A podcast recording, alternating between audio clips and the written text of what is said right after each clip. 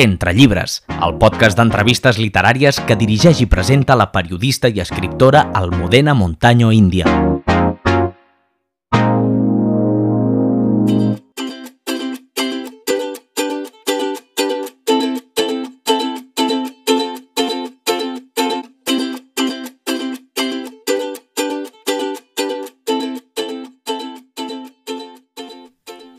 Benvinguts a Entre Llibres, un podcast on fomentem la lectura en català i donem a conèixer escriptors i obres en llengua catalana. Al programa d'avui conversem amb la Maria Aladern, que acaba de publicar la seva cinquena novel·la titulada La nissaga dels Odoile. En aquesta ocasió, els personatges els ha ubicat a Maryland, als Estats Units, on, amb molt d'esforç, uns immigrants irlandesos es fan un lloc a la societat americana. Hi ha suïcidis, infidelitats i lluita pel poder. Homes i dones de diferents posicions socials i culturals amb moltes ambicions que els fa perdre el fil de la vida. Voleu saber més coses d'aquesta novel·la? Doncs gaudireu d'un tastet de lectura dramatitzada que ha triat la Maria. És un fragment de l'inici de l'obra que em recorda molt a la crònica d'una amor anunciada de Gabriel García Márquez. A veure què us suggereix a vosaltres. A l'apartat de recomanacions literàries, la Maria Ladern ens parla d'un llibre que li va sorprendre quan el va llegir al Club de Lectura, més que res per la seva aparença de senzill, que no ho és tant. La Maria ens explica també la seva experiència com a integrant del grup literari Corneli Abril, format per dones escriptores. Esteu preparats per escoltar la conversa amb la Maria Ladern? Doncs obriu bé les orelles que comença l'entrevista. L'entrevista.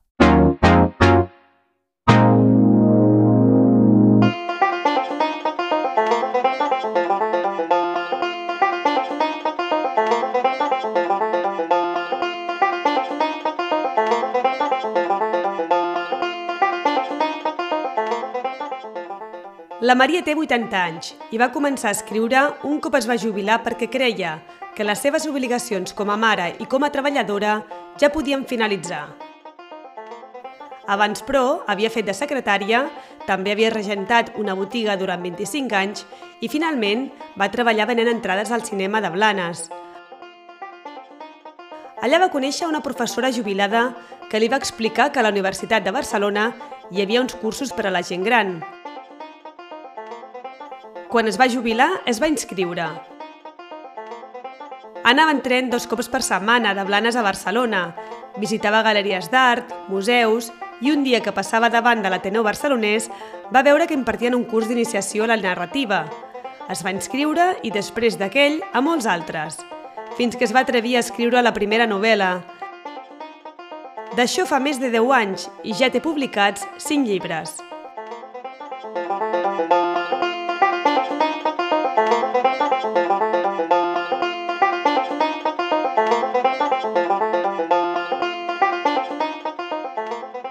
Molt bon dia, Maria. Què tal? Com estàs? Bé, molt bé.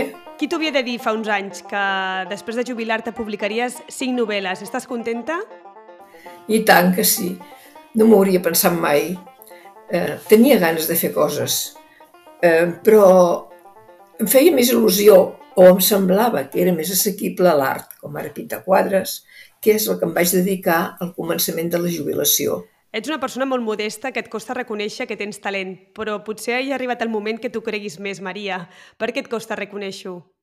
No sé si tinc talent. El que sí sé és que em costa molt escriure bé. Què vols dir? Escriure bé, escriure que, que, que, em, que em satisfaci, és una cosa ben escrita.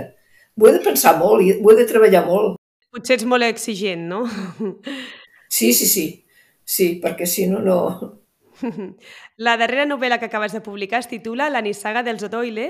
És un relat d'uns immigrants irlandesos que, amb el seu esforç, aconsegueixen fer-se un lloc a la societat de Maryland. Per què has situat la història als Estats Units? Més senzillament, volia fer una història diferent del que he escrit fins ara. En un país diferent, un continent diferent, i també s'hi podia tocar un tema més potent. I amb quins problemes es troben aquests immigrants? Doncs que van haver de sortir d'Irlanda en el temps de la fam. I una vegada arribats al lloc de destí, es van adonar que el seu treball de sol a sol només era per sobreviure i van haver de buscar-se la vida per un altre camí. Quin camí? Podem explicar alguna cosa més o ho deixem aquí? Sí. camí, doncs eh, el besavi, que era el, eh, el cap de la colla, no? doncs es va, es va embarcar. Es va embarcar en una barca i, i, bueno, i va ser amb la pesca. La novel·la està basada en alguna família real que assisteix o que ha assistit allà als Estats Units? Uh, està basada sí en fets reals, però no en cap història concreta. Gent que tu has investigat que van assistir? No, sé que van passar totes aquestes coses, ho he buscat, ho he trobat, però no, no, no una família concreta, no. Uh -huh. La nissaga dels Odoile és la teva cinquena novel·la.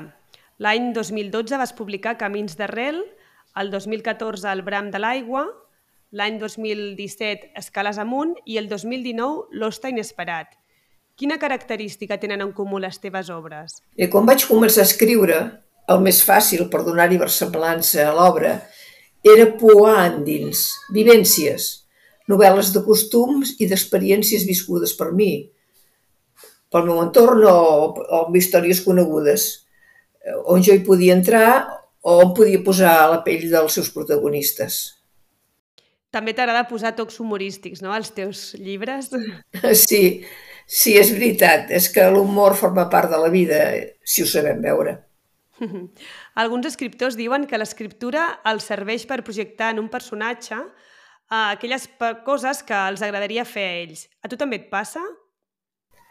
de vegades no, no he pogut evitar, no? Com ara el personatge de la Cesca Camins d'Arrels. Que és molt autobiogràfic, no? És el que m'hauria agradat fer a mi. Però, uh -huh. però bueno, doncs... A veure, explica una miqueta. Què, què t'agradaria fer? A veure, què t'hagués agradat fer, Maria?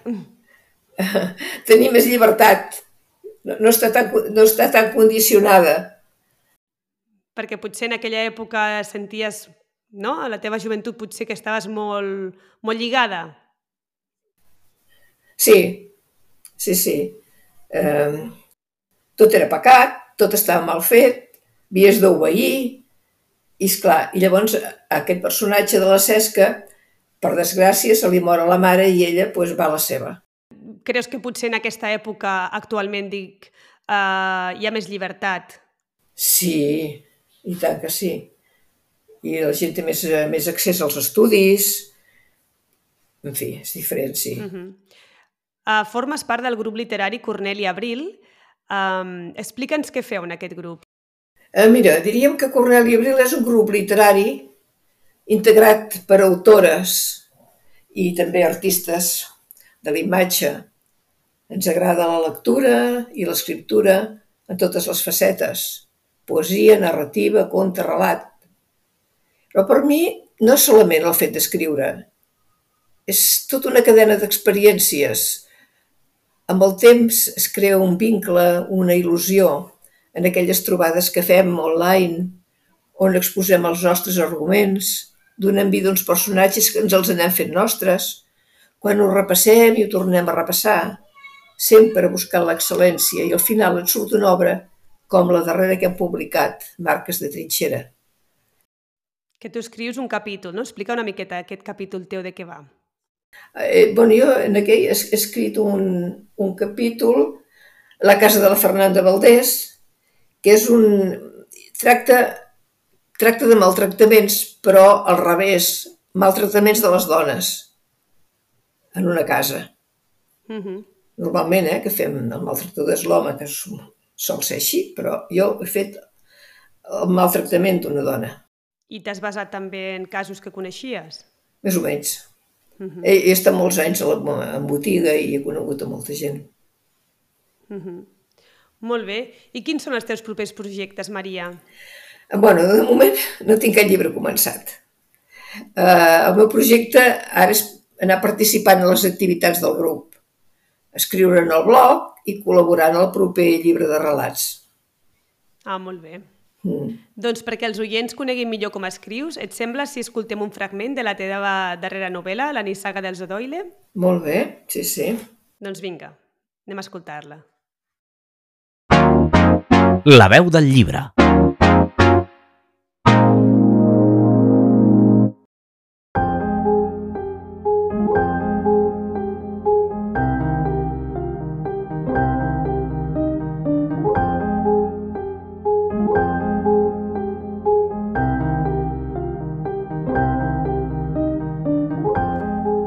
Es va acostar al finestral, va arraconar les cortines. Lluny, a l'horitzó, començava a clarejar.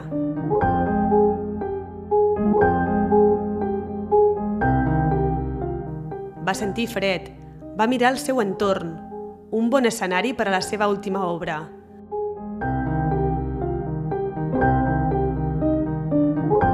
Va tornar a l'escriptori, va treure un full en blanc. Per què, si no tenia res a dir?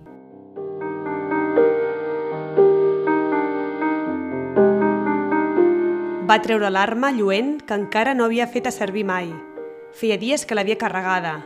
Per què dubtava si era tan fàcil? Es va aixugar el front i, per fi, va prémer el gatell.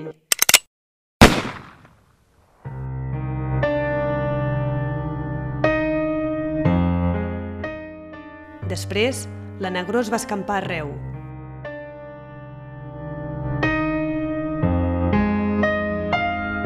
Tantes desgràcies l'havien fet tornar boig i no s'havia vist amb cor de superar-ho. El seu enterrament va ser l'últim acte familiar en aquella mansió on el Patrick O'Doyle havia viscut 23 anys.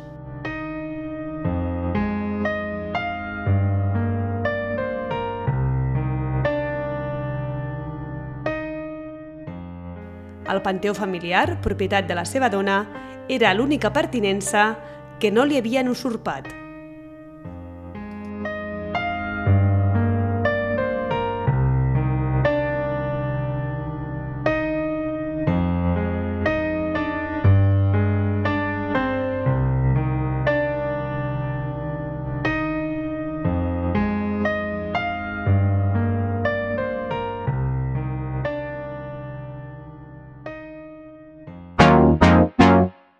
Entre llibres, el podcast amb entrevistes als escriptors del moment en llengua catalana. Maria, m'agradaria que recomanessis als oients un llibre. Quin ens recomanes? Novetats literàries.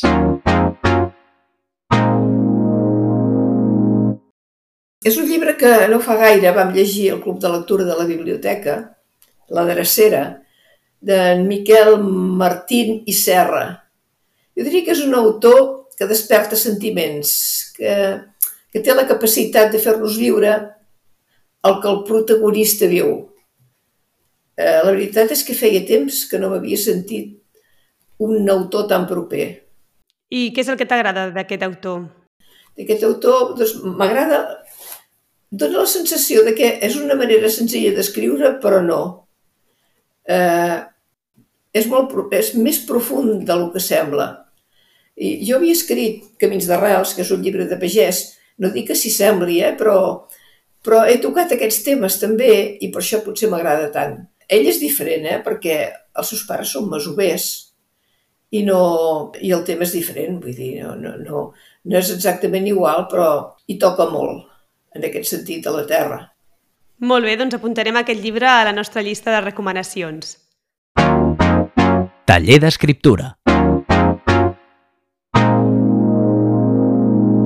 Al taller d'escriptura coneixerem quines són les tècniques que utilitzes per escriure les teves novel·les. Escrius directament a l'ordinador o en paper? A l'ordinador de dret. A quina hora del dia escrius? Mira, depèn del dia. Normalment començo al matí. Em sembla que tinc el cap més clar. Però no escric seguit. Eh, ho comparteixo amb el lleure i, i amb la feina. És per no cansar-me tant la vista. Ets una escriptora racional que et fas esquemes i tu penses molt abans d'escriure o escrius directament el que et passa pel cap? No, no és que em faci esquemes, però necessito mm, tenir un tema eh, i estudiar-me els personatges i, eh, i anar estirant del fil. Quant de temps trigues en escriure un llibre? Mira, a part del primer, que em va servir per aprendre a escriure, he calculat més o menys un promig de dos o tres anys. Mentre esperava que me'n publiquessin un, en començava un altre. Quantes vegades llegeixes el que has escrit fins a aconseguir la versió definitiva? Doncs infinites vegades. Eh, també m'agrada deixar reposar un temps la novel·la i llegir-la des d'una altra perspectiva. Eh, no m'he posat mai una fita per tenir-la acabada. Qui llegeix els teus textos abans de publicar-los? Mira, normalment amigues escriptores. En què t'inspires per crear l'argument de les teves novel·les? Mira, encara que no vulguis, sempre t'inspires en algun episodi de la teva vida. I a més, sí, per sort, has tingut una vida prou llarga. No obstant, cal posar-hi imaginació. Alguns personatges de les teves obres són autobiogràfics o estan basats en persones reals? No són autobiogràfics, però ine inevitablement sempre hi ha alguna cosa de mi mateixa. On has après a escriure? Mira, havia escrit pel meu compte. Eh, es pot dir que més aviat havia notat algun record. També a les classes d'idiomes havia fet redaccions, però jo no sabia el que era escriure de veritat fins que no vaig fer cursos d'escriptura a l'Ateneu Barcelonès. La darrera pregunta ràpida, Maria, és si es pot viure exclusivament d'escriure llibres. Potser sí que hi haurà algú que ho faci, però per mi em sembla ciència-ficció. Per què? Per què? Perquè sí, perquè no. El gran esforç que costa i, i el que et queda, si és que et queda alguna cosa i si és que te'l publiquen i, en fi, eh, és molt difícil de guanyar, de guanyar algun cèntim, de guanyar escrivint. Aquests bestsellers i així sí, però la gent normal, un escriptor, bueno, com ara jo ni pensar-hi. Entre llibres, el podcast amb entrevistes als escriptors del moment en llengua catalana.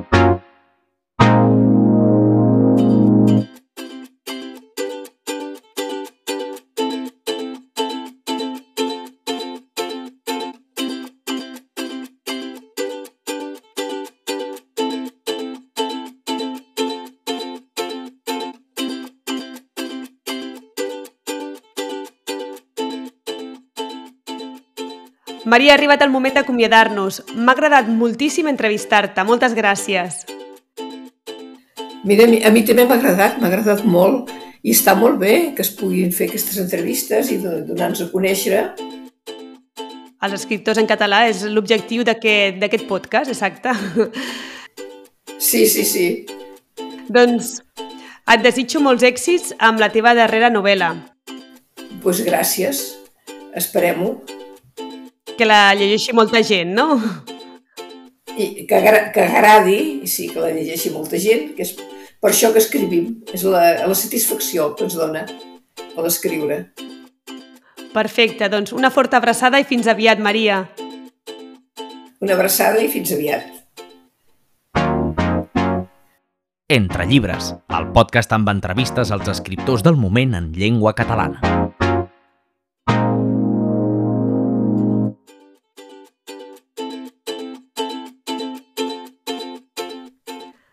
Moltes gràcies a tots els oients per escoltar-nos i per seguir-nos a les xarxes socials. Ens agrada fomentar la lectura en català i aquesta és la nostra contribució. Si us agrada el podcast Entre Llibres, el podeu compartir amb els vostres amics i també subscriviu-vos a les plataformes per on l'heu escoltat. Així us arribaran automàticament els propers capítols. Us espero al següent programa. Mentrestant, gaudiu de la lectura.